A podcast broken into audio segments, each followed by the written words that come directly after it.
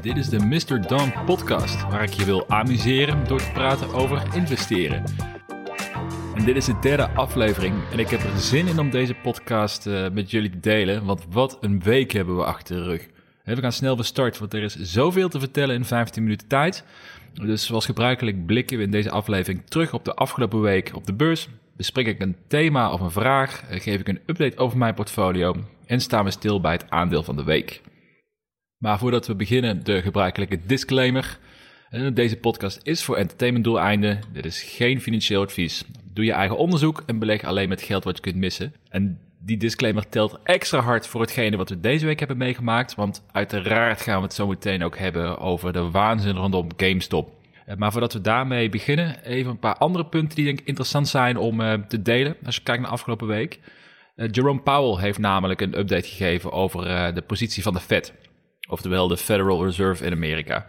Hij heeft namelijk aangegeven dat hij uh, de rentes gewoon op, het, op hetzelfde niveau verwacht zoals die nu zijn voor de aankomende tijd. En dat hij ook geen enkel gesprek aan het voeren is op dit moment om de rentes weer te gaan verhogen. Dus wat betekent dit? Nou, dat de gekte waarschijnlijk nog wel even door zal blijven gaan. Al was het trouwens wel iets wat uh, beleggers al uh, hadden verwacht in de afgelopen periode. Want de, Fed heeft al een aantal keren aangegeven dat het nu geen prioriteit heeft om te gaan werken aan de, de, de schuldpositie die ze hebben. Maar dat ze vooral de economie willen stimuleren. En wat betekent dit uiteindelijk voor beleggers? Nou, eh, simpel, er is nog steeds geen sterk alternatief voor aandelen hierdoor. Eh, want obligaties blijven niet interessant door de lage rentes die heersen. Dus op dit moment heb je, uh, ja, als, als belegger heb je twee opties eigenlijk. Als je een redelijk rendement wil halen. En dat is aandelen of vastgoed. Ja, vastgoed heb je behoorlijk kapitaal voor nodig. Wil je daar eens kunnen, kunnen betekenen. En dat, die prijzen groeien ook ontzettend trouwens. Dus je komt er heel snel uit bij, uh, bij aandelen. En dan spreek je eigenlijk van TINA, oftewel There is no alternative. En dat is ook hetgene wat de beurs toch al waarschijnlijk al gedreven heeft in de laatste, uh, laatste maanden. En daar lijkt dus geen verandering in te komen door deze positie die, die de Fed inneemt. Dus desondanks dat de beurs historisch hoog staat en volgens veel metrics ook aangegeven wordt dat de beurs eigenlijk overspannen is op dit moment, Ehm, is er niet meteen reden om, een, om aan te leiden dat de beurs binnenkort een hevige correctie krijgt. Dus dat, dit zijn gewoon interessante ontwikkelingen om in de gaten te blijven houden. Van hoe policies, hoe die zich verhouden, uh, welk effect het heeft op de beurs in de komende, komende tijd. En dan gaan we door naar de grootste gekte van de afgelopen week. De GameStop short squeeze. Ja, daar heeft waarschijnlijk iedereen die met beleggen bezig is en zelfs uh, mensen die er niet mee bezig zijn, die hebben dat uh, afgelopen weken wel kunnen volgen. De short squeeze. Nou, in het, in het kort, wat is er gebeurd? Nou, GameStop wordt gezien door de grote beleggersfondsen als een nou, quasi-dood bedrijf eigenlijk. Ze hebben, het is een, een, een, winkel voor games, waar je games kunt kopen. Uh, maar ze hebben de hele digitaliseringsslag hebben ze gemist. Hun e-commerce propositie is praktisch niet bestaand. Dus het zijn vooral fysieke winkels die ze hebben. Ja, en ze leiden al jaren leiden ze al forse, forse verliezen. En die verliezen nemen alleen maar toe. Dus als reactie daarop hebben uh, de fondsen besproken of besloten om um, gewoon stevig het aandeel te gaan shorten. Wat, wat, betekent dat? Dat betekent dat zij aandelen hebben verkocht van GameStop zonder die aandelen in bezit te hebben. En dat is uiteindelijk zo ver uit de hand gelopen dat er meer aandelen zijn verkocht die dus niet in bezit zijn, dan aandelen daadwerkelijk beschikbaar zijn op de beurs. Ja, en dat is de reden waarom dit uiteindelijk gebeurd is. Want er heeft een, um, een club op Reddit, genaamd de Wall Street Bets. En dat zijn, uh, nou, dat is een heel vermakelijk forum om bij te zitten, waarbij 90% uh, eh, onzin is. Maar heel af en toe kom je uh, toch gouden dingen tegen. Maar het gros van het forum gaat eigenlijk over het, delen van hele slechte wetenschappen die je hebt gedaan op de beurs. En het, het delen van de, het verlies wat je hebt meegemaakt daardoor. Maar al een tijd geleden, ik denk al bijna een jaar geleden denk ik, is er een post geplaatst, een due diligence over de positie van het GameStop-aandeel eh, in relatie tot de short, short squeeze eh, mogelijkheden die er zijn. En de afgelopen weken heeft dat echt vaart gekregen. Omdat het aandeel inmiddels al was gestegen van rond de 17 dollar naar 14 dollar in een korte periode. Waardoor het zo bewijsvoering kwam van oké, uh, wij als Wall Street Bet Community hebben uh, de, de collectieve macht om zo'n koers op te pompen. En als dat het geval is, dat betekent dat ze de fondsen onder zeer zware druk kunnen gaan zetten. Want die fondsen moeten dus aandelen gaan kopen. Wat betekent dat de koers weer gaat stijgen. Dat betekent dat ze nog meer short positie moeten gaan, uh, gaan dekken, waardoor ze nog meer aandelen moeten kopen, waardoor tegelijkertijd ook de Wall Street Bet community ziet dat het werkt en er steeds meer FOMO komt van mensen die ook mee willen doen aan het hele GameStop verhaal. Ja, je, je ziet waar het heen gaat. Het, het gaat hoger en hoger en hoger en hoger. En um, omdat er dus zoveel meer aandelen zijn verkocht dan dat die er uh, beschikbaar zijn, ja, kun je afvragen waar dit in hemelsnaam gaat eindigen. Want er lijkt gewoon geen maat op te zitten op hoe, hè, waar, waar dit qua koers heen kan. Ik bedoel, de, de afgelopen week is al bijna de 500 dollar aangetikt. En als je puur kijkt fundamenteel naar het bedrijf, is het gewoon een zwaar verliesgevend bedrijf en zit er heel weinig toekomst in op de manier zoals ze nu, eh, nu bezig zijn. Dus een lange termijn belegging is het absoluut niet. Maar dat betekent niet dat de koers niet nog een aantal keer over de kop kan gaan. voordat het uiteindelijk weer richting de fundamentele of de intrinsieke waarde gaat van het, eh, van het aandeel. Want dit is gewoon echt een uitzonderlijke situatie. En het is allemaal leuk en aardig dat we nu kunnen speculeren met GameStop. En dat er heel veel particuliere beleggers ontzettend, uh, ontzettend rijk zijn geworden van deze, uh, van deze zit. Um, maar er is afgelopen week iets gebeurd wat mij ook wel heel veel zorgen baart. En dat is hoe machtig uh, Wall Street eigenlijk is. Want afgelopen week is het bewijs geleverd ja, dat het manipuleren door de grote fondsen nou, op ieder moment kan gebeuren eigenlijk. Het aandeel van GameStop bleef stijgen. Op dat moment hebben een aantal brokers hebben besloten om de optie om aandelen te kopen uit te zetten voor gebruikers. Dus je kon alleen nog maar GameStop aandelen verkopen. Nou, als gevolg daardoor krijg je uiteraard een hogere verkoopdruk dan een koopdruk, wat de koers laat dalen wat de mogelijkheid gaf aan de grote fondsen om hun posities te sluiten of om hun verliezen te beperken. Ja, dat is echt bizar dat dat mogelijk is, want het heeft niks meer te maken met een, met een vrije markt. Want je hebt fondsen die bewust enorme risico's hebben gelopen door uh, veel aandelen te verkopen die zij niet in bezit hebben, om te proberen om GameStop uh, nou, eigenlijk tot de grond te richten. En eigenlijk het eerste moment dat die fondsen tegengas krijgen door een gemobiliseerde groep beleggers die hier een kans in zien, Eigenlijk op hetzelfde zoals de, de fondsen jarenlang ook hebben gedaan vanuit hun positie. Het eerste moment dat dat, uh, dat, dat gebeurt, wordt, komen er extra reglementen, gaan brokers gaan, uh, de, de handel in een bepaalde aandeel gaan ze stopzetten of beperken, waardoor er een kunstmatige koers wordt gecreëerd. En het meest treffende vond ik de, de voorzitter van Interactive Brokers. Die heeft een interview gehouden en nou, zijn arrogantie was stuitend. Hij was continu, zat hij te lachen in het interview over hoe belachelijk het is en dat het waanzinnig is, dat het gemanipuleerd wordt door beleggers en dat de koers op uh, eh, 300 dollar staat. Want hij zei letterlijk, het aandeel is 17 dollar waard. En wat hij daarmee insinueerde in het interview, is dat hij ook zei, nou, nou wij willen de particuliere beleggers willen we beschermen. En dat hij eerst zei dat hij vooral zijn eigen fonds wil beschermen. Um, en daarom willen wij eigenlijk pas het handel herstarten zodra de koers weer op een normale hoogte staat. En dat is volgens hem dus ongeveer 17 dollar. Dus dat betekent, omdat hij vindt dat het 17 dollar waard is, dat de particulieren pas mogen handelen zodra het zijn prijs heeft bereikt. En dat is waanzin en heeft niets meer te maken met de vrijmarkt. Dus dit gaat absoluut nog een staartje krijgen. En inmiddels is het ook onderwerp van gesprek in het Amerikaanse Senaat. Uh, en hebben ook veel prominenten hebben zich hiermee bemoeid. Dus het zou mij niet verbazen dat de komende weken bijzonder turbulent gaan worden voor een aantal brokers.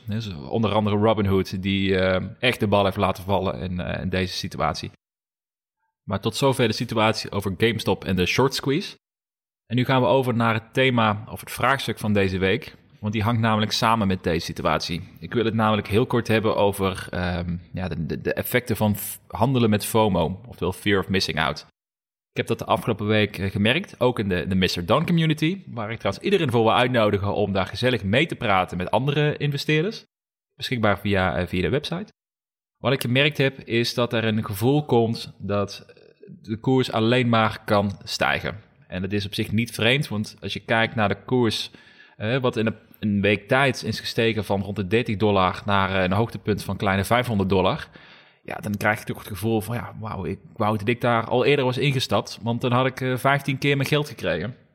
Nou, dat is, dat is de definitie van FOMO. Zien wat het resultaat in het verleden was. denken wat er, dat het nu de komende periode ook gaat volgen, dat die stijging zich blijft doorzetten. En ja, daar wil je onderdeel van zijn. Dat is waarschijnlijk een van de meest gevaarlijke situaties voor beleggers om in te zitten. Speculeren op iets wat in het verleden heeft gebeurd jammer vinden dat je het gemist hebt en denken dat je het nu alsnog gaat inhalen door op een later moment in te stappen. met de hoop dat je alsnog een graantje mee kan pikken van de situatie. Maar in dit geval is het heel goed om na te blijven denken over waar investeer ik nu eigenlijk in? Of is het puur speculeren wat je doet? En eh, beide vind ik prima. Ik doe het ook. Ik heb ook een portfolio waar ik investeer. En ik heb een aantal aandelen waar ik vooral in speculeer. Maar je wilt altijd nadenken over, uh, zeker als je speculeert, wat is mijn risk-reward ratio? dus als ik nu besluit om te investeren in een risicovolle asset, hoe hoog is de kans dat ik er met een goede winst uitstap en hoe hoog is de kans dat ik gewoon mijn geld volledig ga verliezen? En in deze situatie, waar het aandeel al zo ontploft is en de situatie eigenlijk voor de hele wereld al bekend is, kun je je afvragen of dit nog in jouw voordeel is om nu in te gaan stappen. dat betekent niet dat ik zeg dat de koers niet meer over de kop kan gaan een aantal keer, dat je er heel veel geld mee kunt verdienen. Um, maar dat betekent tegelijkertijd ook dat het risico dat je je hele bedrag verliest ook aanzienlijk is. Want als je puur kijkt fundamenteel, en daarom blijf ik altijd op hameren, doe je eigen onderzoek, weet waar je in investeert, ook als je aan het speculeren bent. Als je kijkt naar fundamenteel, bijvoorbeeld GameStop, ja, dat aandeel is gewoon heel weinig waard. Het komt, komt niet in de buurt van de waarde die het, eh, die het nu vertegenwoordigt in de koers. Dus het zou mij niet verbazen dat dit een situatie is waar je um, de komende weken uh, heel volatiel zal blijven, waar de koers alle kanten op kan gaan. Maar als je nou, drie, vier jaar vooruit kijkt en het gaat meer richting intrinsieke waarde, ja, in mijn ogen ligt dat niet veel hoger dan de 15, 10 dollar.